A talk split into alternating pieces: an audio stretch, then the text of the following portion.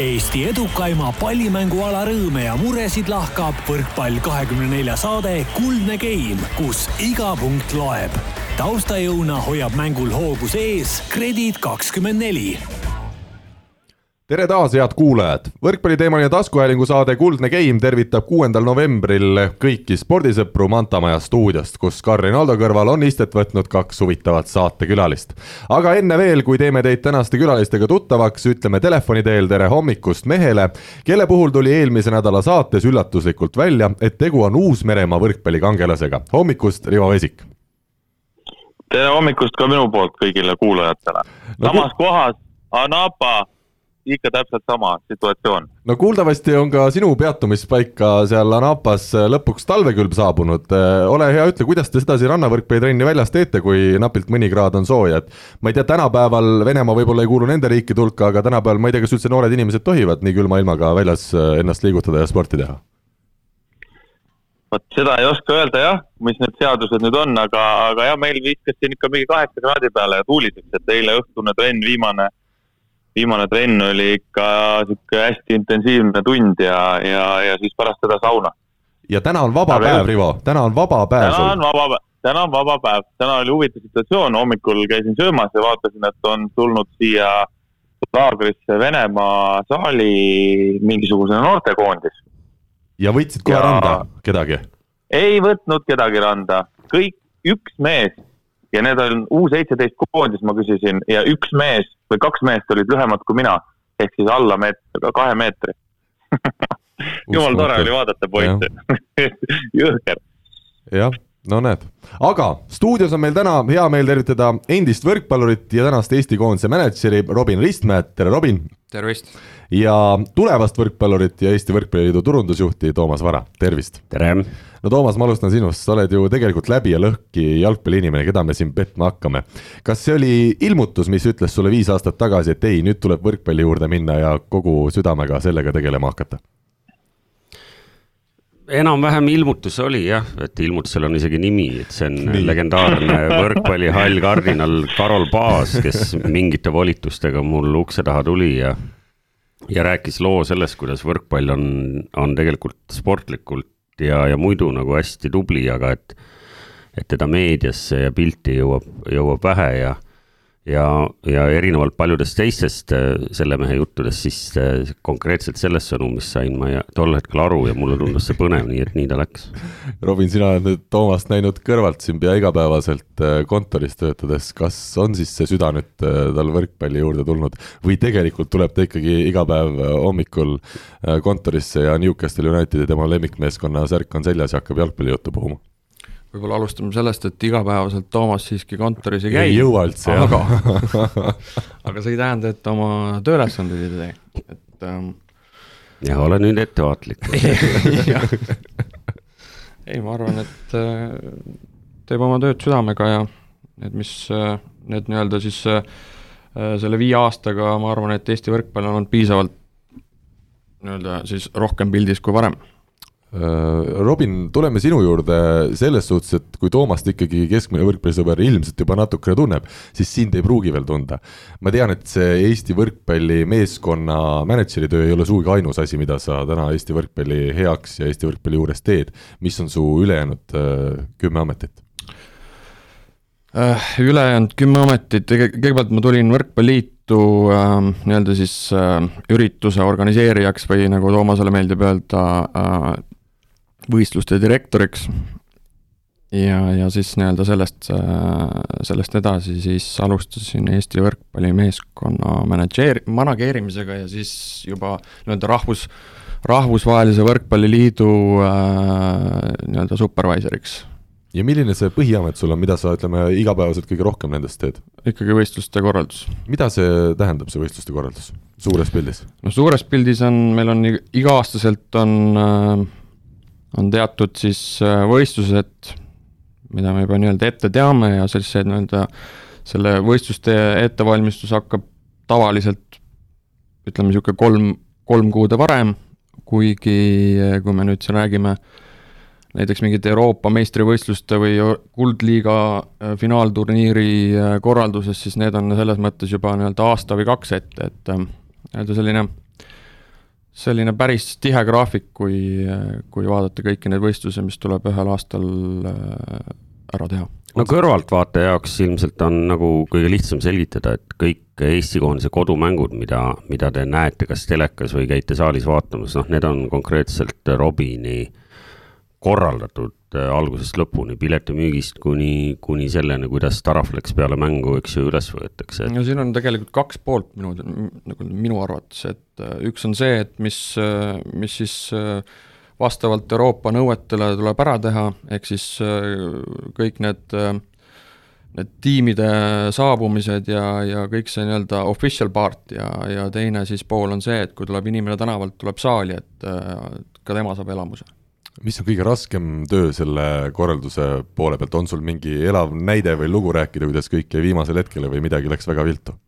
kõige parem näide on näiteks seesama Euroopa Kuldliiga finaalturniir, äh, mis toimus siis nüüd sellel äh, juunis. aasta juunis, äh, selles mõttes oli äh, oli nii-öelda minu poolt oli kõik väga hästi ette valmistatud kuni sellemaani, kui, kui tuli mängu siis äh, Rahvusvaheline Võrkpalliliit, et nende poolt selline kommunikeerimine ja, ja, ja info lack of communication, nagu ma seda nimetasin, et äh, see pööras nagu veidi sellise, ajas nii-öelda närvi üles, et äh, oleks saanud mõned asjad teha siin juba kuu või kaks ette, aga, aga lihtsalt äh, nii-öelda kõik viimasel minutil. mis see siis näiteks oli? Kas või, kas või nende nii-öelda ametnike saabumine Eestisse, et äh, need viimased äh, saabumisajad, need sai põhimõtteliselt paar tundi ennem teada, et äh, see ei ole nagu selles mõttes lihtne, et mul on siin päris palju abilisi oli, kes vastutasid transpordi eest ja nemadki ehitasid õlgu, minagi ehitasin õlgu ja ühesõnaga, kui kohale tulid, siis siis, siis ma ütlesin, mis ma neist arvan ja, ja, ja siis noh, nad nii-öelda tõmbasid natuke tagasi aga meie tõmbame selle võrkpallijutu koha peal ikkagi natukene tagasi, tuleme jalgpalli juurde ja mitte ei taha ma eile õhtusest Dortmundi Borussia ja Milano Interi mängust äh, rääkida, kus äh, Toomas eba, edukalt või ebaedukalt, kuidas, kuidas kellelegi seda kommentaatori tööd tegi ja see mäng oli äärmiselt põnev. aga ma räägiks hoopis sinu lapsepõlvest, kas sa oled ikkagi jalgpalli juures üles kasvanud või oli sul mingit muud sporditausta ka? no ma olen tegelikult Saaremaalt pärit, Saaremaal ei olnud äh äh, ei jalgpalli ega ka näiteks korvpallitrenni tol ajal nõuka küll aga oli võrkpallitrenn oli võrkpallitrenn ja tänu sellele ma sinna ka mingis vanuses, kuskil kümne, kaheteist aasta vahel sattusin õige mitmeid kordi. mind praagiti välja, et kes täna, mul tänaval vastu tuleb, see ei usu, aga aga mind praagiti sealt välja paljuski ka kasvu pärast, sest ma olin ikkagi, ma ei tea, kuskil seal viiendas või kuuendas klassis olin, olin ikkagi meeter neljakümnene, selline väike päkapikk. nüüd ta on meeter kuuskümmend, võin kõrvalt öelda kuulajatele. ehk et ei, mul oli mingi selline geenimutatsioon ikkagi, et äh, ma kasvasin tegelikult oma kasvu paarkümmend senti konkreetselt kasvasin äh, viimases klassis. ehk et ma läksin juba siis Vene sõjaväkke, läksin sellise pika sirge mehena. et enne seda ma olin jah, nagu hästi väike, ma, mina purjetasin hästi pikalt. kui kaugele nagu sa purjetasid? no ma olen ikka purjetanud äh, sealsamas äh, Anapaski näiteks ja, ja selles mõttes ma olen ikka omal ajal, tol ajal, vaata, see oli selline põnev aeg, et noored ei saa aru, kui hakkad rääkima, et kõik teavad, on kuulnud, et on olümpiaklass laser, aga kuna venelased ehitasid neid ilma litsentsita, siis seda jahiklassi nimetati Lutšiks Venemaal, vot ma olen Lutšiga sõitnud ikkagi liidukatel ja ja, ja sellistes põnevates kohtades üle terve Venemaa, et nii ta läks, aga must ikka päris tippsportlast ei saanud, mul on paar sõpra, kes on ikka liidu meistriks ka tulnud aga võrkpallis äh, tuntuid äh, mängukaaslasi oli sul või ei olnud? ei olnud, ma kuidagi mäletan endast vanemat, paar aastat vanemat äh, poissi, kelles ma nüüd kolmkümmend aastat hiljem, mis kolmkümmend, nelikümmend aastat hiljem põhimõtteliselt äh, tundsin ära ühe venna, kes äh, on tihti väljaku ääres lipuga kohtunik ja aeg-ajalt ka bussijuht ehk et Raimond Nau Saaremaalt, vot ma kuidagi tuli nelikümmend aastat hiljem tuli meelde, et ma olen seda meest näinud kunagi, kui tema oli võib-olla siis ütleme viisteist ja mina olin kaksteist äh, võrkpallitrennis. Äh, ma vahepeal uurin ikkagi, kontrollin, kas Rivo on veel lainel, kuna me oleme jalg, siin äh, saate alguses nii palju jalgpallist rääkinud, et äh, oled sa veel suuteline kuulama, mida me räägime? ikka, ikka, jutt on ju väga põnev siis on hästi. kuidas Toomas jalgpall sind leidis või sina jalgpalli?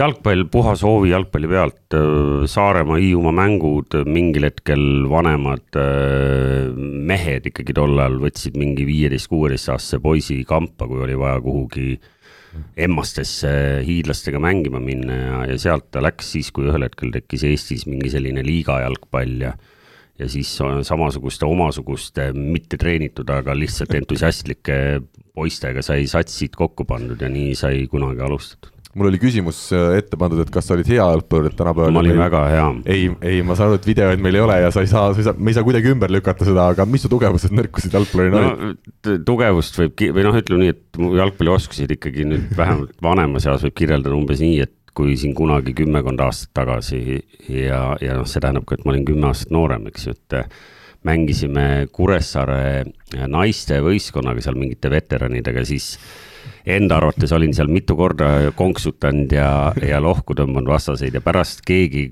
keegi kurat oli teinud sellega, sellest äh, telefoniga video ja siis, kui seda üle vaatasin, siis, siis oli juba tõesti endal piinlik, aga aga ei, ei, ma olen ikkagi FC Kuressaare ajalukku ühe väravaga ja mõne mänguga sisse kirjutatud. oma värav ei natuke Kalev Kruusilikuks läheb juba siin see, see lobajutt, et äh, ei, nii ta on, ega, ega must ikka päris jalgpallurit ei olnud, et sel hetkel, kui ikkagi näiteks seesama Kuressaare, kes ei ole ju ka teab mis tipptase Eestis, ikkagi hakkas korralikult ja kõrgetes liigades mängima, siis ma olin ikkagi ammu-ammu juba muudel radadel tuleme, Rivo, sinu juurde, palju sind on äh, jalgpall äh, oma, oma senises karjääris hõlmanud, palju sa oled jalgpalli mängima sattunud või, või vaatama sattunud? jalgpalli mänginud, noh nagu Toomas ütles, vaata sihuke hoovisport on ju, meil oli täpselt samamoodi Pärnus, et maja taga olid väravad, ise ehitasime väravad ja mängisime. Äh, jalgpalli siiamaani meeldib mängida, mingi hetk äh, käisime, isegi Robin oli seal pundis meil, käisime esmaspäeva õhtuti mängimas saalis jalgpalli talvel. ja, ja noh, nii palju, kui ma, kui mul aega on ja ma saan ja, ja kuskil keegi mind punti võtab, et nii palju ma jalgpalli mängin ka, et äh, Eesti muusikute võistkonnaga olen siin mängimas käinud mõned korrad. oot, oot, oot, oot, muusikute, oot, oot, Rivo, Rivo, sa, sa oled võrkpallur minu teada ikkagi, see muusika on kaugelt mööda läinud sinust. oh, hea küll, hea küll nimetame ümber artistide võistkonnaga oh,. juba õigem, hoopis teine asi. artistide võistkonnaga. et, äh, et jalgpall, äge mäng, mulle väga meeldib. Äh, jälgin teda noh, nii palju kui, kui jälgin, aga, aga mängida mulle väga meeldib. kuidas Robin? kui keegi tahab keegi tahab kutsuda, siis tulen hea meelega äh,. Väga hea, Rivo, ma tõsiselt kasutan selle võimaluse ära, kuna sa lubasid siin eetris, siis mul on üks täitsa võimalik pühapäeva õhtuti on, on olemas ja, ja ma siis ootan sind ükskord kohale. aga Robin, sa väga oled... hea meelega tulen. aga ma ütlen sulle hoiatuseks, kohe hoiatuseks ära. minu naaber Pärnus oli Sergei Zenjov, nii et Assa. ma ikka konksutan ikka toorelt paremini kui vara, ma arvan, seal video peal. Robin, kui hea Rivo saali jalgpallis oli? Mitte nii hea kui võrkpallis, aga aga selles mõttes ta, meil oli selline suhteliselt kirju punt, kui me seal saalis käisime, käisime jalgpalli mängimas ja ütleme nii, et tegi oma ära. tegi oma ära, selge. aga Toomas, tuleme selle töö juurde, mida sa tänasel päeval siis teed veel võrkpalli kõrvalt, ma ei, ma ei saa kuidagi jalgpallist mööda, kuna mina ja Rivo oleme ka mingil määral spordiülekannete kommenteerimisega tegelenud, siis ütle, mis on äh, see, mis sind selle töö juures nii väga paelub, et sa oma muude tegemiste kõrvalt äh, kas või teisipäeva, kolmapäeva õhtuti sinna Peterburi maanteel jälle lähed ja, ja ühe kaks tundi jalgpalli kommenteerimist ära teed? oh, ma ei teagi, see on tegelikult äh, võib-olla isegi täna natuke tundlik teema, et ma olen nüüd kümme aastat seda teinud ja ja mingitel teisipäevadel ja mingitel kolmapäevadel seal peale lõunat mõeldes, et parem võiks diivani peal tukkuda, kui et kõiki neid uudiseid lugeda. eriti veel, kui mängivad kaks klubi, kellega sul, eks ju, emotsionaalne side puudub. no Newcastle, millal viimati meistriliigas mängis, ega? jah, ei noh, on mänginud, mõni arvab, et, et tehakse lolli nalja, kui hakatakse rääkima Newcastle'ist ja meistrite liigast, aga, aga see selleks, et, et no, ma täna paljuski käin oma hea sõbra Kalev Kruusi pärast. Et talle toeks, talle meeldib hirmsasti kommenteerida, ma arvan, see ei ole kellelegi uudis, ta kommenteerib kõiki maailma asju. tehke Viasat Sport suvalisel ajahetkel lahti ja te kuulete teda seal igal. isegi nooleviset? no mitte päris, aga, aga ikkagi noh, korvpallist ja, ja jalgpallist, eks ju, kõik, mis kätte, kätte tuleb et äh, ma alustasin küll puhtast sellisest uudishimust ja, ja sellisest nagu põnevusest, sest me olime kuidagi kui ma olin veel ikkagi TV3-s sellises tähtsas ametis, siis nagu lobajutuses olime nagu, nagu loopinud nagu mõtet, et oh, et, et oleks vägev ja võiks proovida ja küll ma oleks hea, kui ma seda teeksin, ma oleks palju parem kui sina, Kalev, ja nii edasi, sealt see kuidagi nagu väljakutsena nagu välja kasvas. täna ma ei taha öelda, et ma teen rutiinist, aga, aga ma ütlen ausalt, mul meistrite liigast pooled mängud, kui ma olen õhtul kodus ja mul telekas oleks võimalik vaadata, ma tegelikult neid ei vaata. ehk et äh, äh, ütleme, see on nii ja naa ma teeks hea meelega kõik Newcastle mängud, eks ju, ma peaks poole vähem kodutööd tegema, ma tunnen neid mehi ja nende, nende lapsepõlve hingeelu, eks ju. Aga, aga näiteks kui sul satuvad mängima Lissaboni Sporting ja, ja Praha-Slaavia, noh siis eks ju selliseid mehi sa ju peast ei tea. aga mis on selles töös, ütleme lisaks veel sellele, et sa kõiki võistkondi ei tea ja keerulist, no peale selle, et su naljad jäävad Kalev Kruusile selgelt alla oh naljadega on nii ja naa, ma ise siin vahel mõnda algajat võrkpallikommentaatorit kuulates mõtlen, et, et meil on kuidagi mingi, mingil moel tekkinud nagu tunne, ma kardan seal skeenes, noh, see käib kõikide spordialade, kõikide kommentaatorite kohta, et hullult peab nalja kogu aeg tegema. tegelikult ei pea, pea.. jah, Karl oh,. Rivo, sina oled ka kommenteerimistööd teinud, ma sain praegu oma laksu kätte. kas, kas ja kuidas sulle see amet meeldib? noh, eks ta täpselt nii nagu, nagu Toomas tegelikult ütles, eks, eks ta nii on, et äh, ka minu jaoks on raske kommenteerida mängu, Jelgava mängib, ma ei tea, kellegiga, kui siin olid kunagi niisugused nõrgemad võistkonnad Eesti liigas nagu Paide, on ju, mitte midagi halba öelda selle kohta, aga kui reaalselt nagu kommenteerida midagi ei ole. Või kui mängib seal Tartu, mängib sealsama mingi nõrga Läti võistkonnaga, kui seal, noh, seal ei ole midagi rääkida lihtsalt. Isegi sinul ei ole, kas isegi sinul, Rivo, sa ju võid ju maast ja ilmast rääkida seal Jelgava no, mängu kõrvale? siis hakkadki maast ja ilmast rääkima mingit lolli nalja tegema, sest mängust konkreetselt midagi rääkida, midagi ei toimu väljakul. -hmm. tead, Rivo, ma ütlen, Rivo, ma ütlen siia vahele, et, et tegelikult äh, võrkpalli kommenteerimise juures tegelikult mina tunnen puudust vaatajana, et keegi, just nimelt see kaaskommentaator, kes noh, siis on nii-öelda ekspert räägiks lahti, et miks mingeid lahendusi väljakul niimoodi tehakse, sest mina, kes ma olen ka siin näiteks kasvõi meeste ja naistekoondisega kaasa reisinud ja kuulates, kuidas treenerid näiteks peale mängu juba siis, kui äh, poisid või tüdrukud on magama saadetud, omavahel räägivad mingeid situatsioone läbi, see on väga põnev tegelikult ja midagi sellist tahaks tegelikult näiteks ka kommenteerimise ajal kuulata.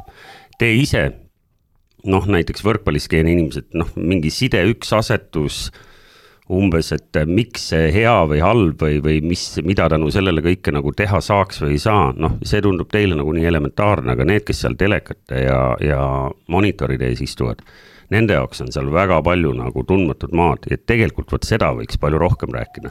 nii et nende lollide naljade asemel, isegi kui mängivad Tartu ja, ja Jekapils, eks ju siis tegelikult, äh, kusjuures Jekapilis väga kõva, eks ju. ja liigas teine hetkel. et, äh, et vale näide, et, äh, et tegelikult vot seda võiks vot sinusugused mehed teha palju-palju rohkem. aga see, siin on üks asi, vaata, et siis on vaja ka, oleks vaja ka kommentaatorit, kes, kes nagu juhib, on ju, asja, kes ka nagu vähegi natukenegi jagab, et kui sul see esimene kommentaator on selline. Neid meil, iga, neid meil ei ole eriti, jah. iga, iga teise lause, iga teise lause paneb võssa, nimed on valed, äh, asjad kõik nagu liikumised, mingid oi, et näed, nüüd oli võrguviga, on ju, tegelikult oli soe pall, siis on jube raske nagu, me ei taha nagu teist meest ka kogu aeg parandada, et kuule, et ei olnud see, ei olnud see, et jääb nagu hästi loll mulje kogu sellest kommentaarist, et. ei, absoluutselt nõus, no et, et nüüd ei jääks ka mulje, et me siin nagu Karl Rinaldot konkreetselt, eks ju, torgime, et et ma arvan, et Karl on ju, on ju ikkagi siin skeenes ikkagi väga-väga korralik tegija, et, et meie häda, mitte ainult võrkpallis, see on tegelikult jalgpall, korvpall, kõik pallimängud tegelikult on, on, ega kommentaatorid ei ole väga palju valida nii on ja kusjuures Toomas. üks, üks asi, üks asi on see, teine asi on see, et tegelikult ju, tegelikult kõik need, kes kommenteerivad, on ju, kes on mingid kaaskommentaatorid, kõik, nad ei ole ju õppinud, mitte midagi teinud, et nad panevad oma mingisuguse asja pealt, noh mitte isegi kaas, vaid kui... need põhikommentaatorid ka väga paljud ju ei ole. Nagu täpselt, põhikommentaatorid ka ei ole ja, ja miks nagu minule just seesama Vara Kruus, täna ütleme selle paari niipidi, on ju, Vara Kruus ko kooslus meeldib, ongi see, et äh, te teate, millest te räägite. seda ja, nimetatakse siis mis tuleb, eeltööks. ei ole sihuke pingutatud ja mingisugune, mingisugune sihuke puine asi, noh. no seal, kui me nüüd juba kommenteerimise sellise analüüsi peal äh, läksime, siis tegelikult on tähtis ära öelda see ja, ja ma näen, vaat kõrvalt ise seda tööd küll nagu harva, aga, aga tehes on nagu raske nagu kritiseerida teisi, aga mida äh, hästi tihti näeb, on see, et, et tööjaotus ei ole kokku lepitud. põhimõtteliselt selline kõige klassikalisem kommentaatorite paari tööjaotus on see, et üks on see, kes annab selle emotsiooni ja rütmi räägib muuhulgas ka seda, et Messi söödab Ronaldole, Ronaldo söötis nüüd Messile, eks ju. kuigi nad kunagi üksteisele ei sööda. jah, ja, ja siis see teine peaks olema see noh, nii-öelda nagu tark mees, kes räägib, et aga miks ta sinna söötis, miks Ronaldo söötis sinna Messile. ja, ja, ja mis tänu sellele siis väljakul nagu järgnes, eks ju, et, et, et igal asjal on põhjus-tagajärg, eks ju ja võrkpallis on kusjuures ka väga lihtne seda teha minu arust, sest põhikommentaatori töö ongi see pallivahetus ära kommenteerida, nii nagu ta siis oskab emotsionaalselt ja õigeid asju seal välja tuues ja mängijaid nimepidi nimetades. ja siis korduse ajal, kui pallivahetus on lõppenud, siis on see abiline, kes näebki korduses selle viimase lahenduse ja täpselt nagu jube lihtne on tegelikult neid rolle ka jaotada, on. just alates sellest, miks serv läks sinna, et mida nagu, mida üritati teha, eks ju, mis tegelikult välja tuli, noh, kõik sellised asjad, nii et noh, nii ta tegelikult peaks käima ja, ja mul on tihti tunne, et, et näiteks kaaskommentaatorid, ükskõik, me vaatame meie meie enda näiteks avalik-õiguslikku, kus kutsutakse väga tublid mehed, lugupeetud sadu koondise mänge mänginud jalgpallimehed kutsutakse kommenteerima, aga neile mitte keegi ei ole öelnud, mida nad tegelikult seal tegema peaks just, ja, ja võrkpallist äh, veel rääkides, minu arust ka võrkpall on niivõrd keeruline mäng tavavaatajale. et tavainimene, kes ei ole ise võrkpalli mänginud, ta vaatab, et kõik need pallivahetused on suhteliselt sarnased, kuskil läheb jälle tõste, kuskilt tuleb löök, aga kui sul on kõrval abikommentaatorina mees, kes oskab huvitavalt selle lahti seletada, ütleme, võtame siit minu võib-olla kõigi aegade parim abikommentaator, kellega mina olen teinud, Alar Rikberg, kui hästi ta, kui huvitavaks ta mulle seal kõrvalgi selle mängu tegi tänu sellele, et ta just seletas lahti, ta sai aru, miks kuhugi läheb serv, miks tuleb kuskilt tõste, miks on kiirem, miks on aeglasem, siis see võrkpallimäng ka vaataja jaoks muutub kümneid kordi huvitavamaks, just tavavaataja jaoks. segan siinkohal vahele, et selliseid mehi nagu Alar Rikberg on Eestis vähe. jah, ainult üks ma olen kuulnud. oled kuulnud õigesti, aga sellepärast ongi see, see nii-öelda inimese leidmine sinna kõrvale kommentaatoriks keeruline. päris kindlasti on treenerid, kes sellega hakkama saaks, aga neil on aega vähe ja, ja noh, see kommenteerimine ka nagu geograafiliselt äh, ei klapi, et Andrei Ojamets, hea näide. ma tean, et paljud meestekoondislased praegu ei nõustu, kui nad seda kuulevad, sest äh, neile vahel tundub, et Andrei on natuke liiga karm mõne, mõne mehe suhtes, aga aga Andreid kuulata minul kui võrkpallivaatajal mulle väga meeldib. jah, ja tema kuulub ka Ma olen jumala nõus. on huvitav jah teha alati olnud. nii, Toomas, ma olen jumala nõus, Andrei on väga hea kommentaator. ja üks väga hea kommentaatorite paar võrkpallis minu jaoks oli Mehis Merilaine ja Andrei Ojamaa. no Mehis räägib, Mehis suudab juhtida väga hästi ja Andrei seletabki asjad lahti. Aga jah, nagu Toomas ütles, et neil ei ole lihtsalt aega ja, ja paljud mehed on ju, Alar Rikberg ju võiks ka kommenteerida kõiki mänge, aga tal ei ole lihtsalt selle jaoks aega. mm. -hmm.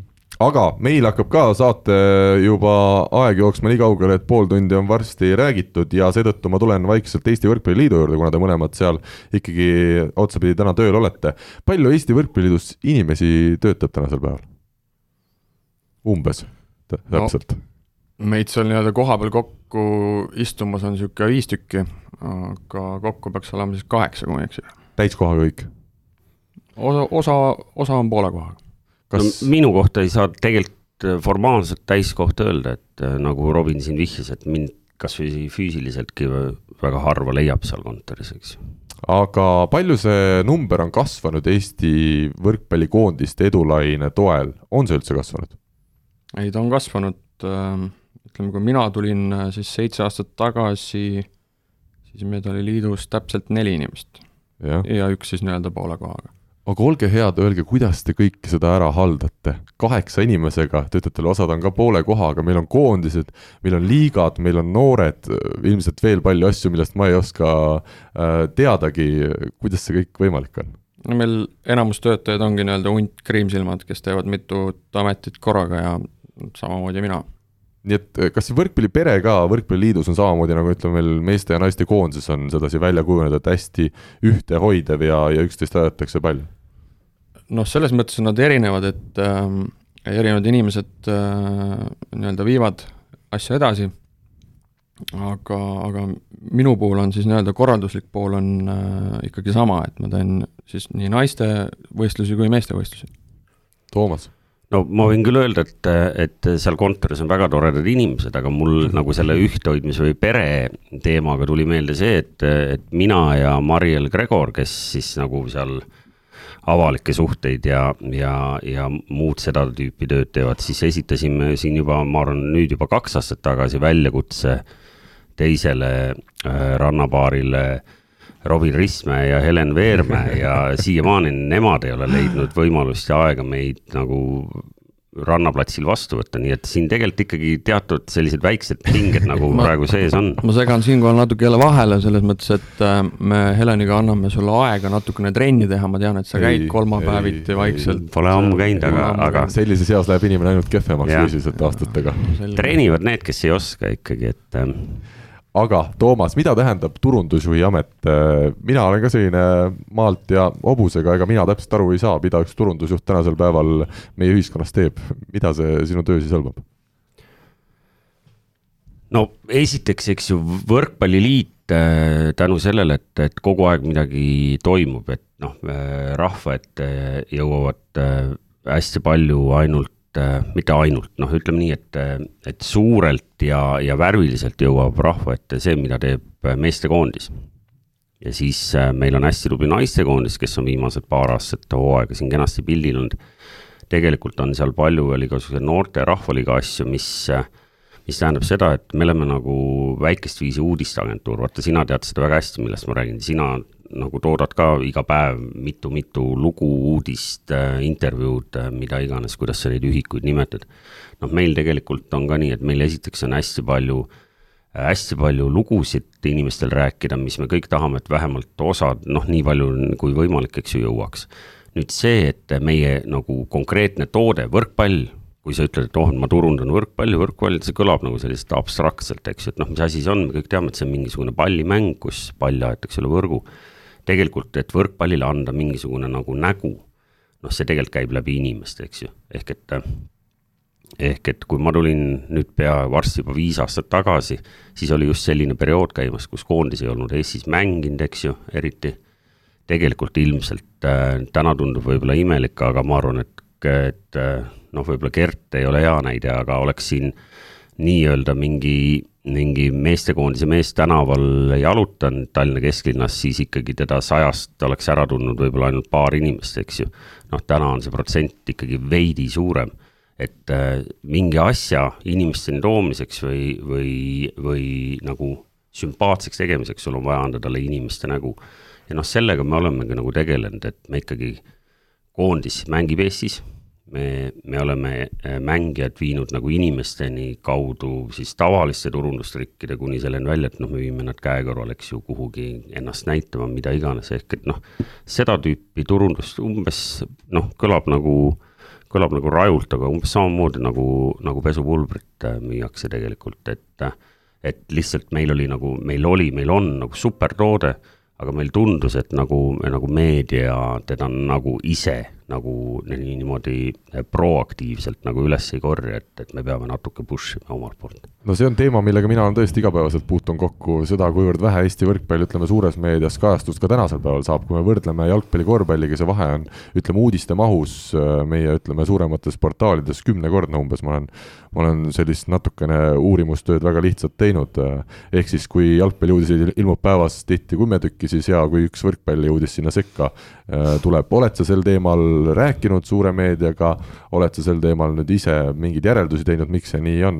minu hinnang on see, et meil on täna Eesti spordimeedias lihtsalt suhteliselt vähe inimesi, kellele võrkpall midagi pakub. ma olen absoluutselt nõus, ma tahtsin just umbes samasugust äh, konstruktsiooni siin ehitama hakata, et äh, meie häda, meie ühine häda koos spordimeediaga on see, et et elu on kõigil raske toimetustes, nii kirjutavas, elektroonilises, kus iganes et äh, inimesed peavad tegema kümme erinevat tööd, mis tähendab seda, et, et nagunii tuleb teha valikuid, millest sa kirjutad ja, ja kui palju. ja, ja seal tõepoolest siis nagu prioriteedid on, on selgelt mõne teise spordiala poole kaldu. et äh, see on nagu kindlasti põhjus ja, ja see ongi loonud nüüd nagu situatsiooni, kus ise tuleb hästi palju ette ära teha, noh, me näeme ise, kuidas meie enda pressiteateid pannakse põhimõtteliselt copy paste, eks ju, üles ja noh, see on nagu okei okay. Et, et kuskil ideaalmaailmas sa eeldaks, et noh, pressiteade initsieerib mingisuguse loo, kus siis nüüd ajakirjanik läheb ja võtab kellelgi nööbist kinni ja, ja võib-olla isegi fotograaf parimatel päevadel, eks ju, ja nii edasi. nüüd äh, me oleme veidral moel jõudnud äh, olukorda, mis nagu ühest küljest töötab meie enda vastu, ehk mida rohkem sa ise teed, seda nii-öelda, seda, seda laisemaks, noh, me näeme seda kasvõi sellega, et, et veel kolm-neli aastat tagasi, kui ikkagi koondis läks välja mängima, siis oli kaasas, oli kolm-neli erinevat äh, ajakirjanikku oli kaasas. täna noh, isegi nad on harjunud, et äh, Vara või, või Mariel teeb isegi videointeka ära. ja nad, jah, nad eeldavad seda, eks ja. ole. ja noh, sa oled nagu mingi selline nagu nagu kahvlisse pandud, et sul on võimalus öelda, et ma ei tee, eks ju. Ja, ja sul ongi nii, et õhtuses suures üleriigilises telekanalis ainukeses meie spordiuudiste saates ei olegi liikuvat pilti. või siis sa teed ja sa tead, et järgmine kord teed jälle ja, ja sealt ei tulegi kunagi ajakirjanikku kaasa, eks mina olen ka ERR-ist saanud kritiseerida, et miks ma nii-öelda solvasin neid siin talvel ühe artikliga, aga mina ütlen alati vastu, et aga nemad solvasid Eesti võrkpalliinimesi päevast päeva, kui nad äh, jätsidki kajastama väga suured sündmused Eesti võrkpallis, alustades kas või nendest samadest Robert Tähe mängudest meistrite liigas, kus noh, ärme sellel libedal teel lähe, eks ju, siin on nagu väga lihtne jälle suur tüli üles võtta, seal väga ei. palju oleneb ka sellest, noh, persoonidest, päevatoimetaja tal ilmselt tema persona-, mõne mehe personaalses kalendris seal võrkpalli absoluutselt ei olegi, ta ei teagi, et kuskil mängitakse mingit väga tähtsat mängu, eks. noh, kõlab nagu, nagu hirmutavalt, aga nii on. Äh, Rivo, ütle, sina oled välismaal palju ringi reisinud, palju sina oled, ütleme, välismaal kuulnud sarnast probleemi, et see võrkpall ei jõua kõige rohkem erinevates riikides meediasse? Äh, noh, eks ta ole enam-vähem sama teema, mis Eestis, et ta on, loetakse ikkagi nagu väiksemaks spordiks kui, kui võrkpall või korvpall ja jalgpall ja ja noh, on suuremates riikides, Venemaal on olemas ajakirjanikud, kes, kes on keskendunud ainult võrkpallile, aga nad on täpselt samamoodi põhimõtteliselt Võrkpalliliidu palgal ja kes siis käivad ja teevad lugusid ja saadavad neid lugusid edasi ja nende pealt pannakse ka copy-paste ja ma tean seda, et Võrkpalliliit ise kutsub mängudele ja maksab kinni mingisuguseid suuremaid telekanaleid. noh, koondise mängudest me ei räägi, on ju, Venemaal võrkpall ikkagi nii suur, et koondise mängudel on need suuremad telekanalid ise kohal. aga ka liiga mängude juurde, et saaks nagu pilti, et nad maksavad ise kinni ja, ja toodavad seda ise äh,. aga üks, üks asi, mis on, mis minule on silma jäänud äh, maailma võrkpallis hästi palju pidurdab seda nii Euroopa Võrkpalliliit kui ka Rahvusvaheline Võrkpalliliit. kui Rahvusvaheline Võrkpalliliit eh, ei luba panna välja klippi mängust, nagu kasvõi mingit lihtsalt, lihtsalt mingit pallivahetuse klippi äh, ajakirjanikel ilma nende loata, siis minu arust on see jumala jabur. selles suhtes, et äh, mida rohkem läheb täna Facebooki ja, ja sotsiaalmeediasse erinevaid klippe ja asju seda rohkem on see võrkpall ikkagi nagu roh-, pildil. ja ma tean äh, iseenda kogemusest põhimõtteliselt, kus äh, tuli turniiri pressiesindaja, tuli meie juurde ja küsis, et kas teie kaamera on litsenseeritud ja kas teie kaamera edastab pilti nagu selles suhtes laivi. see kaamera, millega me filmime mänge, ma ütlesin, et ei ole. küsisin, mis siis on? ta ütles, et seda ei tohi teha, et see on keelatud. et me müüme teleõigusi ja asju ja noh, ongi, ma saan, mõnes mõttes ma mõistan, aga teise poole pealt, kui keegi neid teleõigusi ei taha osta, siis kuskilt mingisuguse alguse ju võiks teha sellega, et neid väikseid asju lubatakse nii palju meediasse, sotsiaalmeediasse täna, et, et see asi nagu hakkaks kuskilt kasvama. et see on see, mis mina nagu maailmas näen, et, et suured alaliidud nagu ise pärsivad seda, on see CEF ja FIBA B, kes ise nagu tõmbavad hästi kõvasti pidurit jah, ma olen äh, Rivoga nõus, et siin CEF-il on natuke läinud nagu järjekorrad sassi, et, et ähm, oleks, äh, kõigepealt oleks vaja nagu ikkagi toode üles ehitada korralikult. ja, ja toode ei tähenda seda, et sul on mängukorralduslikult asjad korda tehtud, vaid ikkagi nagu just nimelt selles, et ta oleks nagu jõudnud, jõudnud massidesse ja populaarsem fundamentali ehk et täna on kõigepealt mindud ikkagi kommertsi tegema ja otsustatud, et, et nüüd tuleb igalt poolt raha küsida, me näeme Robiniga seda iga päev, kui iga, iga suvalise mänguõiguse eest äh, küsitakse raha ja lisaks pannakse veel näiteks kodumängu korraldamise juures veel kohustusi ka peale. noh, kasvõi signaal sati peale panna, kuigi võib-olla mingit Eesti noh, ma ei tea, mis hea näide on, Eesti-Rumeenia mängu keegi teine tegelikult ju kuskil vaadata ei taha, aga igal juhul sa pead veel sati kulud ka võtma, noh seda tüüpi näiteid CEF-i puhul on hästi palju, et, et kõigepealt üritatakse raha teenida, mõtlemata, et, et toode peaks olema selline, mille eest raha küsida. aga siinkohal ma tahaks Eesti Võrkpalliliitu ja Eesti Võrkpalli laiemalt kiita just nendesamade ülekannete osas, et tegelikult see on päris muljetavaldav, et meil on ju kohalikus meistriliigas meeste osas kõik Eesti klubide kodumängud nähtavad väga korralikus kvaliteedis, jah, need ülekanded on tehtud tihti kahe kaameraga, aga inimene, kes või kuskil Austraalias saab selle mängu ilusti kätte, ilusa kvaliteediga, jõuab see kohale. Samal ajal, kui meil on Euroopas väga tugevaid liigasid, kus väga tugevatest mängudest ei toimugi ülekannet ja me vaatame näiteks kas või eile Pariisi volley karikamängu, Timo Tammemaa karikamängu Tours Pariisi volley, seal on kuskile suvalisse kohta on see kaamera pandud, klubi on pannud siis sellesama kaamera pildi siis Facebooki ja see on ka ainus ülekanne, mis sellest karika väga huvitavast mängust jõuab ükskõik kellele, kes seda siis saalis parasjagu vaatamas ei ole, et, et selles suhtes on meil lood jälle hästi. jah, et et ülekannete tootmise mõttes ja just nimelt see pildi kvaliteedi vahe on, on kindlasti olemas, ma olen ise näinud Prantsuse liiga, ma ei tea, kuidas nad iganädalaselt praegu teevad, aga veel paar aastat tagasi oli Prantsuse liiga tavaline ülekanne oli ühe staatilise kaameraga väljaku otsast. jah, just. Ja, ja selles mõttes me oleme muidugi nagu nendest oluliselt äh, noh, ütleme nii, et ikkagi nagu, nagu paremini hakkama saanud, aga, aga see kõik tuleb ka Volleliidu enda ressursi arvelt, ehk et siin sellised mm -hmm. nagu klassikalised turusuhted, äh, kuidas Ameerikas asjad võiks käia, eks ju, et, et keegi ülekandja, telekanal, veebiplatvorm tuleb ja maksab selle kinni, et seda kahjuks veel ei ole. ja praegusel hetkel siis Võrkpalliliit isegi maksab, ma saan aru, need äh, teleülekanded kinni, mis meil siis kohalikus liigas tehakse või? no ütleme otse välja, et nii on, jah kuigi see veel eelmistel aastatel oli teistmoodi jah, ei noh, on olnud igasuguseid aegu, et äh, ma mäletan oma vanast telejuhi karjäärist, kuidas ka korvpalli õiguste eest, mitte siis lihtsalt ei, ei noh, siin vahepeal mahub ka periood, kus, eks ju, sa telekanal või ülekandja maksab kinni kulud ja, ja saab tänu sellele õigused, et ikkagi maksti ka õiguste eest, aga need ajad on ammu möödas Äh, tuleme natukene teise teema juurde, mis on Eesti meeste ja naistekoondiste praegune plaan uueks aastaks? palju on tänasel päeval teada, mida saab ka välja öelda? Robin muigab plaan on esmalt see, et mõlemale koondisele on vaja leida treener.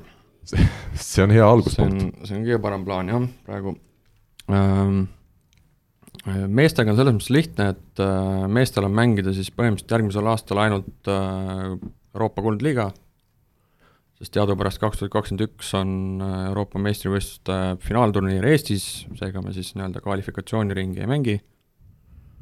ja, ja naistel täpselt samamoodi siis äh, mängivad Euroopa liigat ja, ja siis äh, hõbeliigat siis ikkagi, see aasta ka veel, järgmine aasta? Euroopa hõbeliigat jah, et siis äh, nemad peavad siis nii-öelda siis selle äh, Euroopa meistrivõistluste kvalifikatsiooniringiga siis äh, kaasa tegema. kuldliiga ja hõbeliiga nii nagu ikka, maikuu nagu ja juuni? just ja naistel siis äh, valikturniir on suve teises pooles? Mm, jah, just. kas meeste puhul on nüüd plaan ka suve teises pooles midagi ette võtta, mingeid eraldi mänge pidada või see sõltub kõik peaaegu pea, peatreenerist? ma pigem äh, arvan, et see sõltub peatreenerist, sest praegusel hetkel ettevalmistus on ainult äh, kuldliiga ja, ja nagu ma meie presidendilt kuulsin, siis aasta lõpuks peaks meil olema siis vähemasti äh, peatreener olemas ja, ja nii-öelda tema mõtted ja, ja tegemised ka teada. tuleme selle peatreeneri teema juurde, mina tean, et olümpiakvalifikatsiooni see otsustav turniir toimub jaanuaris ja see tähendab, et siis pärast seda on suur tõenäosus, et mitmed treenerid saavad vabaks. tahtsin just seda öelda. nii, aga ma saan aru, et Hanno Pevkur äh, kuidagi tal on kiire kuskile ei, niisuguse klausliga ta on nii-öelda välja tulnud äh, ja, ja kui meil on aasta lõpus on äh, siis Eesti võrkpalli sada gala ja Eesti karikavõistluste finaal, siis Hanno siis mainis ära, et ta võiks nii-öelda siis presenteerida uut peatreenerit.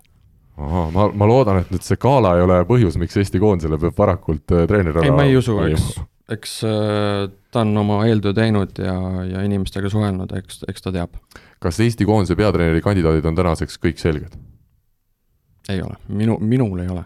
Äh, Toomas, sulle kindlasti on? ei, ei absoluutselt mitte, et, et ma tean samamoodi plaani, et see kahekümne üheksanda detsembri juubeligala, et, et seal võiks välja kuulutada mõlemad peatreenerid. Aga ma usun, et, et, et Hanno nõustub samamoodi, et, et see ei peaks olema peamine põhjus seda ruttu ära teha, nii et küll seal kaalutakse hoolikalt, pigem on võib-olla kui me nimetame seda kiirustamiseks, siis seal ikkagi põhjus see, et, et saaks võimalikult varakult hakata ikkagi mingisuguseid konkreetseid plaane tegema. Et kas ja kas ja kas, kelle järgi peaks jaanuarini ootama, noh, seal peab ikkagi mingisugune ka nagu noh, eelinfo olema tegelaste kohta, ma saan aru, et täna ikkagi on mingid päris korralikud shortlist'id, aga, aga nimesid mina küll ei tea no okei okay,, nimesid ma saan aru niikuinii praegu ilmselt ei saa ka eetris öelda, aga palju neid kandidaate on, kas seda ütlete meile kumbki? minu äh, info kohaselt oli neid kandidaate isegi üle kümne, millest siis on äh, järele jäänud Äh, kolm-neli tükki. kas mõni eestlane ka selles suures nimekirjas oli? Äh, ei olnud. Selge. kas Äh, teeks, äkki, äkki oleks tore vaata leida populaarsust võrkpalli, teeks mingi casting'u, siukse tõsielu saate.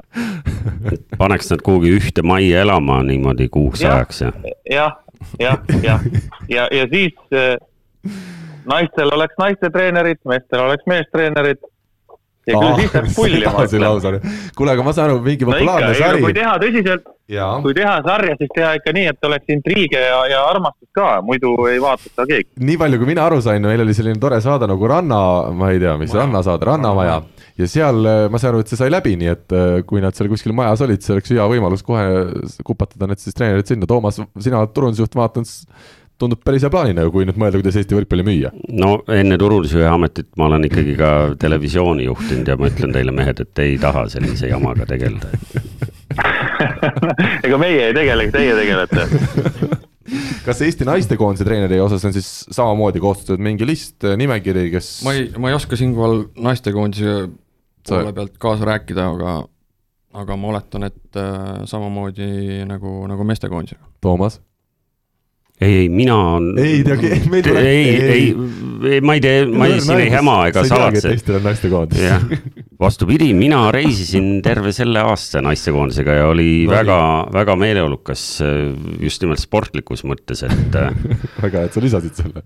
jah, ei, mina elan meie naistekoondisele vägagi kaasa, et äh, mulle meeldis see treenerite seltskond, kes seal oli.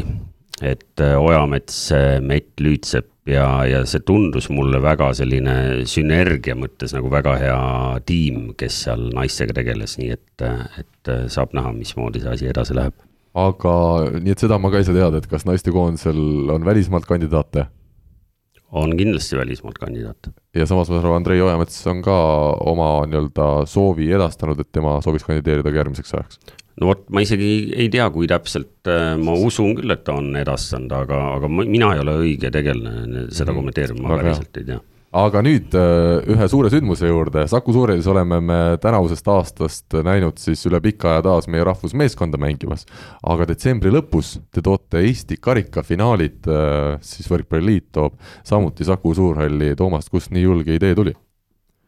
No põhjus tegelikult on lihtne ja, ja teistpidi väärikas, ehk et äh, paljud äh, ikkagi teavad, et äh, sel aastal tähistas Eesti võrkpall sajandat juubelit.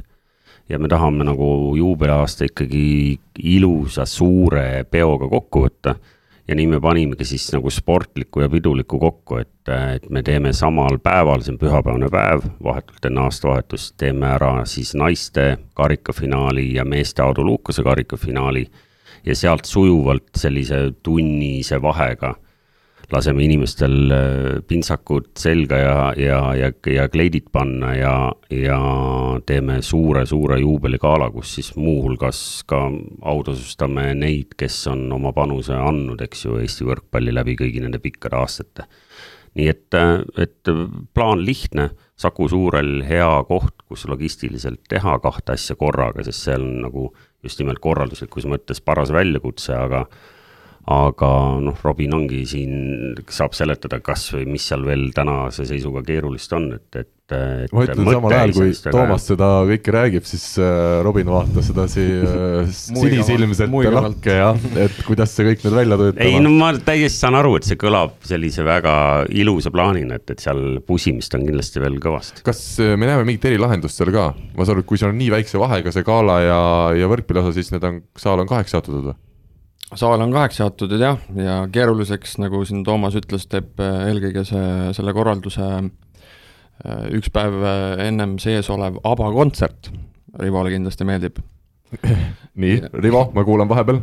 Oh.. ja, ja ma mõle-, mõlemal olen kohal, ma ei lähegi ära Saku Suurhallis vaeva. ja, ja, ja peale ABBA-t jään otse sinna. Ja Saku Suurhall on meile selles mõttes natukene ka abikäe ulatanud, et nad on Äh, taganud meile võimaluse, et äh, me saame siis äh, selle Saku Suurhalli niimoodi pooleks jagada, et meil on ühel pool on siis gala ja teisel pool siis nii-öelda mittetraditsiooniliselt resti võrkpalliväljak. aga nii ei oleks veel saanud, et teeks Abaga selle kontserdi samal päeval, et jagaks selle saali veel kolmeks? et teeks ennem äkki karikafinaalid ära ja siis on Aba kontsert. ja jah. Eesti võrkpall sada gala. just, ei seda ei ole seda ei ole ka. palju publikut no meil ei ole, meil ei ole palju kehvem äh, ikkagi peaesineja, meil on ikkagi Eesti armastatud tantsuansambel Two Quick Start on, nii et äh, abamehed ikkagi häbenevad nurgas samal ajal, kui need mehed peale tulevad. palju publikut saali mahub äh, sellele mängule just äh,? mängule äh, ükskord siin arutasin kokku, äh, natuke tuleb siin tribüünidega ka veel tööd teha, aga, aga kuskil niisugune esimesele tasandile kaks tuhat ilusti ära ja teisele tasandile ka veel otsa, et publiku äh, istekohtadega probleemi kindlasti ei ole. reklaamkampaania käib juba, Toomas, või, või hakkab mingil hetkel täistuuridel pihta? suurem kampaania veel äh, laias meedias ei käi tegelikult, kuigi me piletimüügiga oleme alustanud, nii et äh, piletikeskus.ee et minge vaadake ja, ja vaadake võrkpalli sotsiaalmeediakanaleid, sealt leiate need lingid üles, et me tuleme ka kindlasti suurde meediasse veel selle kampaaniaga, sest me ootame sinna galale.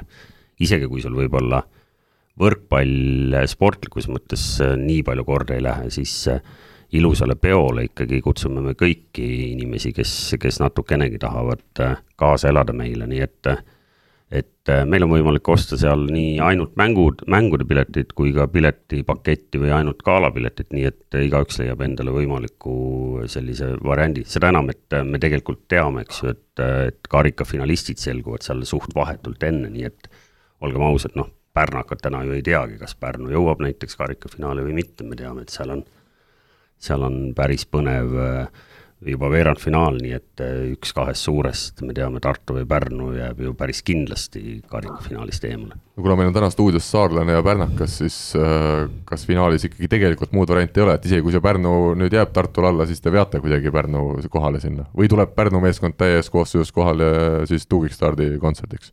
no ma arvan, et Aavo on juba sättinud oma plaanid juba sinna kevade poole, et, et, et taaskord võib-olla siis Eesti meister jääb talle selleks ajaks, kui ta mehed kokku on saanud lõpuks no,. sellega võib ka leppida, ma arvan, kokkuvõttes. aga meil on aeg jõudnud nõnda kaugele, et läheme ühe rubriigi juurde. küsimusmängu toetaja on teamshield.com oma disainiga spordi ja vaba aja riided eelmisel nädalal uurisime siis järgnevat, millise Eesti rannavoolekoondise liikmega osales äh, treener Indrek Verro möödunud suvel ühel Eesti karikavõistluste etapil ja mitmenda koha nad said. Äh, Rivo, sina kui rannavõrkpallispetsialist, kas une pealt tuleb vastus ära? Äh, mängis ta ilmselt kas Tanilaga koos või? no vot, juba läks mööda, selle teise poolega ei, mängis. selle Dmitri, Dmitri Korotkoviga just nii, jaa. ja kuidas no, neil läks? ja mis selli-, sellise paari tulemus, noh, mis ta seal, ma arvan, et seitsmes. no sisuliselt õige jah, jõudsid veerandfinaali, aga seal said siis kaotusi, nii et äh, lugesime ära kohad viiendast kaheksandani. kümme õiget vastajat, Toomas ja Robin, kas te kahe peale mõtlete ühe numbri ühest kümneni välja? seitse. seitse ja Riivo Reinsalu saab siit äh, võrkpall kahekümne nelja legendide erisärgi. jälle. jah, aga seda särki tal vist veel ei ole, nii et, äh, nii et ikkagi kulub marjaks ära ja, ja Rivo, sina oled ka ilmselt õnnelik, kui äh, peaaegu nimekaim saab särgi omanikuks. jaa, ta, ma tean, ma tean seda meest väga hästi, tal on puhtaid särke hädasti tarvis. Väga hea, aga läheme kiirelt edasi, uue nädala küsimus on siis järgmine. Robin Ristmäe on kasvanud üles ühe tänase Eesti koondislasega, käinud koos Pärnus trennis aastaid ja lõpuks siis ühest tuli kõva mängumees ja teiseks, teisest tuli kõva võrkpalliliidu tegelane. küsime, kes see Eesti tänane koondislane olla võiks. Ja vastused saab saata nagu ikka aadressil info, et võrkpalli kakskümmend neli punkt ee või, või võrkpalli kahekümne nelja Facebooki lehe sõnumitesse. ja kõigi õigesti vastanute vahel läheb taas kord loosib võrkpalli kahekümne nelja eridisainiga legendide spordisärk. aeg on välja selgitada nädala tegija nädala tegija rubriik ja kolmas koht äh, sel korral Robert Tähele kuuekümne ühe häälega meie võrkpalligrupis. Rivo, mees, kes tuleb superkarika võitjaks äh, Itaalias, jääb meil kolmandaks, kas see näitab, et äh, Eesti võrkpallisõbrad ei saa õigesti sellest alast aru või on meil nii kõva see tase, et, et jagub lihtsalt nii palju tugevaid võrkpallureid ka peale Tähe? Väga hea küsimus. Äh, mina isiklikult hääletasin äh, Robbie poolt, et see saavutus on ikkagi, ikkagi ükskõik, mis, mis eelmise nädala saavutusest Eesti võrkpallis äh, kõige kõvem, et siin ei ole, ei ole isegi küsimust. aga noh, eks tead, Eesti on väike ja kes tunneb keda ja, ja ostetakse hääli ja nii see e-hääletus, nii see e-hääletus kahjuks on. jah, sedasi, sedasi ta läheb ja, ja Robert Tähest me jõuame siin võib-olla mõne sõna veel saate teises osas äh, või lõpuosas rääkida. aga räägime siis kahest esimesest, Katriin Põld, noor Audentese spordigümnaasiumi noortekoondise liige, siis tõi Tartu Ülikool Bigbanki vastu nädala keskel kuusteist punkti pluss viisteist plokipunkte, seitse tükki. ma küsin siin Robini käest samal ajal kõrvalt, sa oled ka elus võrkpalli mänginud, kas seitse plokipunkti tuli üldse karjääri jooksul kokku? Võib-olla turniiri jooksul kokku, aga, aga mängu jooksul seitse plokipunkti on väga hästi, jah ja ütleme, Katriin Põld kuulub siis sellesse seltskonda, kes äh, oli siin äh, Eva-Liisa Kuivaneni ja Karoliina Kibermanni kõrval ka siis see kolmas noormängija, kes meil Eesti naistekoondisse tänavu kevadel pääses, nii et äh, tundub, et järelkasv mingis mõttes naistekoondisel mingis vanuses, just see natuke alla kaheksateistaastaste seas, siis on meil isegi kas kõvem kui, kõvem kui meestel. Toomas, sul on, sul on siin midagi juurde öelda? Ei, ei äh,, nagu siin tähelepanelik kuulaja võib-olla märkas, et rääkisin, et, et suvel reisisin naistekoondisega koos ja seal tõesti äh, Ojamets väga julgelt noori võttis kampa, eks ju. et äh, ilmselt äh, seal noh, nüüd ütleb siin selline harrastusvõrkpalliekspert või selline kõrvaltvaataja, et, et naistekoondise kõige suurem väljakutse on ikkagi, et kuidas hakata tulevikus äh, asendama äh, näiteks sidemängija Julia Mõnnak, ehk et sidemängija on, on ilmselt väga põnev koht, kus ikkagi on vaja noori teravaid talente leida ja kusjuures siinkohal loomulikult ma õnnitleme Katriin Põldu, ma ei kujuta ette, milline tugev lobitöö seal taga võis veel olla, et ta need hääled kõik kokku sai, igatahes palju õnne talle. aga Rivo, üks teema, mida siin kindlasti võiks väga lühidalt veel kommenteerida. Äh, Alsti Lindemans Belgia kõrgliigas võitis nädalavahetusel tiitlikaitsjat Maaseigi Greenyardi ja oli siis Alsti põhimees tänavu esmakordselt ametlikus mängus meie Markus Keel ja väga hästi Andri Aganitsa vastu tegutses, oli edukas nii tõstetööl, servimisel kui ka rünnakutel lahendamisel, kas, kas nüüd paistab lõpuks, et Markuse näol on see stabiilsus ka vaikselt äh, tulemas, äh, mida me nii kaua oleme oodanud just Gert Toobali selja taga, et kellelgi selline rahvusvahelisel tasemel äh, mängupilt meile ette tuleks?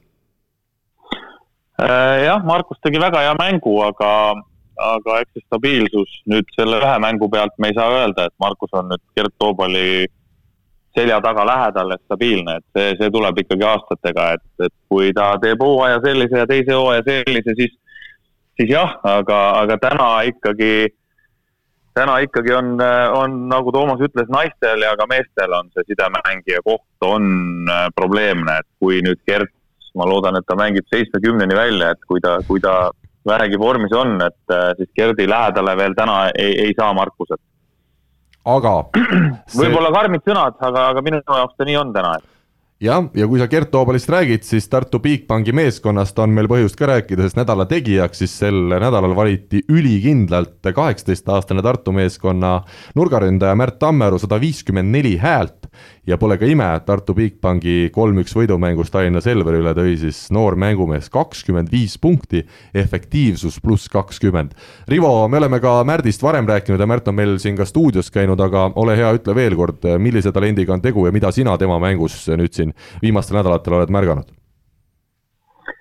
Äh, Märt on, on jah, väga talendikas mängija ja ta on just füüsiliselt oma vanuse kohta ikkagi väga hea, et ta on äh, arenenud ilmselt kiiremini kui teised, teised sellises vanuses mängijad, et ta näha on, et, et ta veel natuke kasvab ja, ja hüpet ja jõudu ja võimu on mehel küll, et äh, vaatasin ise ka seda mängu ja Tartu tundub üldse olevat väga heas hoos ja, ja kindlasti seal kahekümne viiest punktist üks osa läheb jälle samale hall peale Gerdile, on ju. ja, aga üks koht, millega Märt peab tööd tegema, on vastuvõtt, et vastuvõtul kipub natuke veel logisema aga muidu on jah, Märdi näol on tegemist ikkagi Eesti saali võrkpalli, ma arvan, tulevikumehega, et, et ega siin ei olegi midagi öelda, tubli poiss. Ja nagu ta siin ühes pikemas intervjuus ka hiljuti Võrkpalli kahekümne neljale ütles, et nüüd ta siis ikkagi on valinud äh, juba selle saali võrkpalliga tuleviku osas, rannavõrkpall jääb selliseks kõrvalalaks heal juhul, aga keskendumine läheb ilmselt edaspidi ikkagi saali võrkpallile.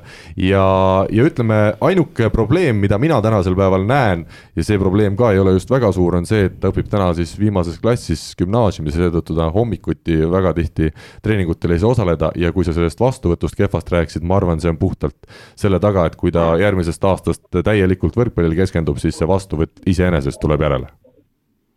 Ei, see ei ole, ma arvan, täna ei ole see probleem, et, et, et vastuvõtt nüüd nii hull ka ei ole, et seal on vigu, seal ta võiks olla parem ja noh, loomulikult kindlasti ta areneb, et kui ta hakkab kaks korda nädala, kaks korda päevas trenni tegema, siis, siis igaüks hakkab, areneb kiiremini, et see ei olnud nüüd mõeldud nii, et on hirmus, hirmus probleem, et äh, on, on lihtsalt üks koht, mis jäi silma aga Gert Toobasist tahaks küll rääkida, ma ütlen, olles ka ise Tartus neid äh, mänge koha peal vaatamas, äh, see on ikkagi müstika, see on imeline ja ma ei väsi ka kiitmast seda vanameistrit, et, et kui üks sidemängija saab seda võrkpalli ilusalt ja veel efektselt mängida, siis just tänu nendele kogemustele ja tänu sellele mängutarkusele teeb Toobal ikkagi väga suure töö ära Tartu meeskonna võidumängudes. no ma arvan, seal ainuüksi need äh, tempomehed juba teevad tal iga õhtu välja, sest nii palju pole tempomehed rünnata ikka ammu saanud, kui siin viimastes mängudes. ja klapib, kuigi eks ole, Gert ei ole nende kellegagi nüüd väga palju koos töötanud. Rivo, mis sina veel Gerdi just selle mängulise poole peale koht-, ütled? Gert äh, on väga hea esimesele tempole tõstev sidemängija väga,, väga-väga hea. ta näeb ära, ta tõstab sinna käe alla korralikult selle palli üles, tal ei ole vahet, kas ta on mänginud palju või mitte kui see noor tuleb peale normaalselt, siis ta paneb selle ülesse. ja, ja üks asi, mis jäi silma, ta toobki mängu sisse kohe need noored, ta ei lase neil seal tühja karata ja möllata, ta pane, hakkab laskma sinna. seesama pikk on ju, see Alex Saaremaa, noh, kui ta kolm, neljast kolm ära lööb, see on ülikõva protsent. ja Gert hoiab teda mängus sees, ta teab, et see mees on võimas, ta teab, et see mees suudab seda teha ja ta hoiabki teda mängus sees ja seda oli näha ka, noh, see oligi näha, Selveri mehed või Pärnu mehed võisid seal hüpata või mitte hüpata, Saaremaa lõi selle palli ikkagi maha, sest tal võimu ja kõrgust on nii palju ja Gert laseb selle lihtsalt nii hästi käe alla. Rivo, me oleme sinu äh, sportlaskarjääri juurde naasmisest palju rääkinud ja nalja visanud, kui nüüd Gert Toobal, neljakümne aastane Gert Toobal helistaks sulle mureliku häälega, ütleks, et kallis Rivo, et meil on kaks temporündajat vigastada saanud ja, ja hirmsasti tahaks ikkagi Saku Suurhallis seda karikafinaali mängida. olene, ütleme siis, nad on sinna karikafinaali selleks hetkeks pääsenud. kas sa siis ütleksid Gerdile ikkagi jah, et sa tuled tagasi ja teed veel ühe suure mängu? Äh, kui Gert nagu tõsiselt kutsuks, niimoodi tõsiselt, nagu nii, tõsiselt, siis ma läheks talle appi, jah. kas ma sellega hakkama saaks, on omaette küsimus. see on, see on väga suur küsimärk, aga kui kutsuks nagu tõsiselt, siis loomulikult igal juhul, iga ja sada protsenti. et siin ei ole isegi mingit mõtlemiskohta selle koha peal, ma küll kardan, et see oleks Tartu poolt äh, isegi mitte jalga laskmine, vaid endale, vaid, vaid ikkagi kahe jala maha saagimine, aga, aga, aga ma läheks appi. aga Rivo, sa oled vist seda kunagi juba teinud ka vist äh,, sai sind kutsutud Selveri klubisse, kas siis kaheks-kolmeks mänguks, oli nii vist? jaa, oli küll, ise Vassiljev isegi usaldas mind väljakule paar korda no,. aga võrgu ette, võrgu ette seekord ei lastud ma arvan, parem oligi ja seekord ongi parem, et võib-olla võit, võistkonda võiks võtta, aga isegi väljakule ei tohiks lasta. Jah, jah, see, see, see mulle sobiks, mulle sobiks see ka väga hästi aga meie läheme edasi järgmise rubriigi juurde. mängija profiil, üks inimene, erinevad vaatenurgad. Andris Õunpuu mees, kes tänavusest aastast siis üle pika-pika aja tagasi TalTechi meeskonnas äh, saarlasega tegu, nii et äh, Toomasel kindlasti kohe tuju tõuseb, et me sellise mehe välja oleme valinud, ütle, kas Saaremaa on nii väike koht, et kui ikkagi ükskõik, mis mees on, on ta võrkpallur, jalgpallur, äh, kivipallur, siis ikkagi saarlane saarlast teab? no mina häbiga tunnistan, et ma teda tegelikult ise ei tunne, aga, aga võib-olla on paljude jaoks üllatus, et, et tal on äh, hüüdnimi, mis tegelikult on võrkpalliskeenes äh, tuntud, eks ju, et äh, Andrist hüütakse ka Julliks sealhulgas ka Saaremaal, ehk et äh, siin võib tekkida, eks ju, segadus, et kui räägitakse, et Jull tegi seda võrkpallimängus rääkides, siis jääb alati, on vaja alati täpsustada, kas jutt käib Õunpuust või, või naistekoondise kaptenist Julia Mõnnakmäest, nii et. Äh, ma ütlen vahele, kust need on tulnud, Julial loomulikult, Jull on loomulik, et on hüüdnimi, aga mina sain aru, et Andris Õunpuu oli, Julius Caesar oli ikkagi kuskil, keegi märkas sarnasusi ja, ja sealt see tuli. ma kahtlustan, et seal pigem oli ikkagi tegemist Karlsson äh, katuselt lugudes umbes tuttava onu Juliusega, et, et mulle tundub küll, et see on pigem sealt pärit. sulle tundub nii, aga minu arust ma, ma nagu faktiliselt tean, et see peaks olema Caesariga seotud. Rivo, mis sina ütled, Julius Caesar, nii nagu me siis teda tänases saates võiksime kutsuda, on Eesti liigas mänginud ju kogu oma elu ja mänginud hästi, on praegu kolmekümne viie aastane nurgaründaja ja, ja jätkuvalt väga hea ja paistab, et tänu temale paljuski on ka TalTech nüüd ikkagi tänavusel hooajal ka jälle üle pika aja konkurentsis meie kõige kõvemate klubidega kas, äh, kas sa oskad öelda, kui palju ta mänginud on Eesti liigas mm.? kas ta võiks, võiks olla tänasel päeval üks pikemalt mäng, Eesti liigas mänginud mängijaid? ma arvan nagu,, et seal nagu uue. jaa, seal peab Liivimaa, Liivimaa kroonikuid hakkama, ma arvan, sirvima, kui tahta seda teada saada, siin vahepeal meil telefonid helist-, helisevad ja, ja ei saa neid telefone ära ka panna, kuna Rivo on meil Whatsappi kaudu siinsama telefoni kaudu ühenduses. õunpuu, Jull helistas juba tahtis klaarida siin aga, aga kaua on mänginud, ainult Rait Rikberg ilmselt siis tänastest mängijatest on ju koduliigas nii kaua mänginud ja noh, Rait on veel korra ka välismaal ära käinud, aga, aga Jull siis kogu aeg siin olnud. nii et eh, ma ikkagi, Rivo, ootan kommentaari. isegi sina oled temaga koos mänginud? jaa, ei no kes siis temaga koos mänginud ei ole, et temaga on kõik põhimõtteliselt koos mänginud, isegi Robin vist oli ka võistkonnas, on ju. just, ja sellepärast me muide võtsimegi ta siin seekord rubriigis äh, kõne alla, aga, aga jah, kuulan edasi. Andres Õunpuu mänginud Eesti koondises mingeid mänge isegi, selline stabiilne vend, noh, et ta, ta ei ole olnud kunagi ju mingi super, super tegija, on ju, ja pole olnud ka kunagi selline mees, kes, kes pidevalt nagu pinki nühib, nagu mina olin, on ju.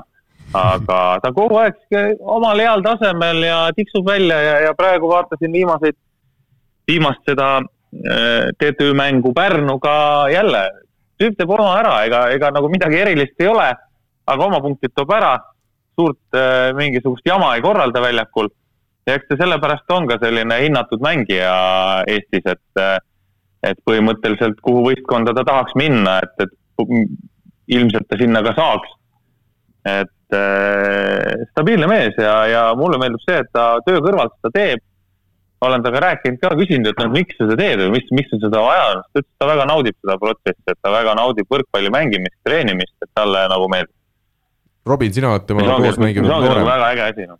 sina oled mänginud temaga ilmselt natuke nooremas eas, mis mulje ta noorena jättis äh,? mitte niivõrd nooremas eas äh,, täpselt samamoodi äh, esiliiga võistkonnas ja, ja mina mäletan teda kui meeletut töölooma, et ta päris korralikult äh, tegi trenni ja oskas samal ajal võib-olla minusuguseid noori natuke õpetada ka ja ja igati tubli töömees. väga hea, äh, Andrist tervitame siinkohal ja ise läheme tänase saate viimase teema juurde.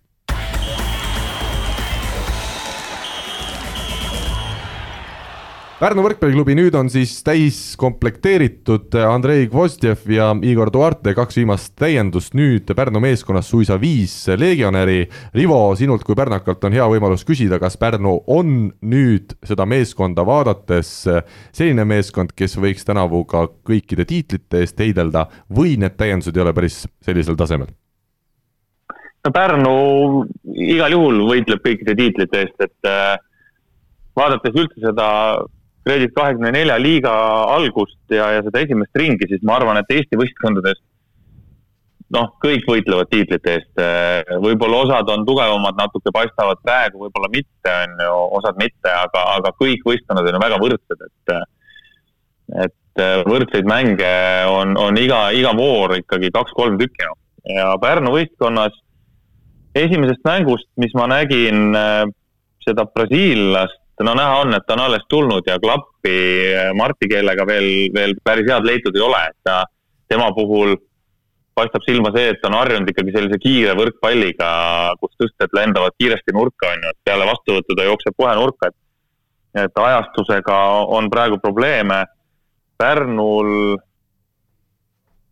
on kõvasti tööd, noh, Aavol on kõvasti tööd teha, aga ma usun, Aavo on nii kogenud mees ja oma, et ta ei võta selliseid mehi, kellega ta teab, et ta ei suuda olla konkurent.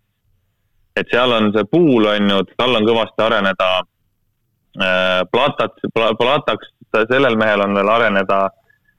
brasiillane kindlasti hakkab mängima, noh, tema liigutuste järgi on näha, et ta on, ta on tasemel mees, venelane samamoodi esimese tempona, ta ikka üsna võimas sealt keskelt, et äh, ma arvan, et Pärnu tuleb, tuleb teises ringis korralikult ülesse ja, ja, ja mehed on sellised, kellega võib, võib võita.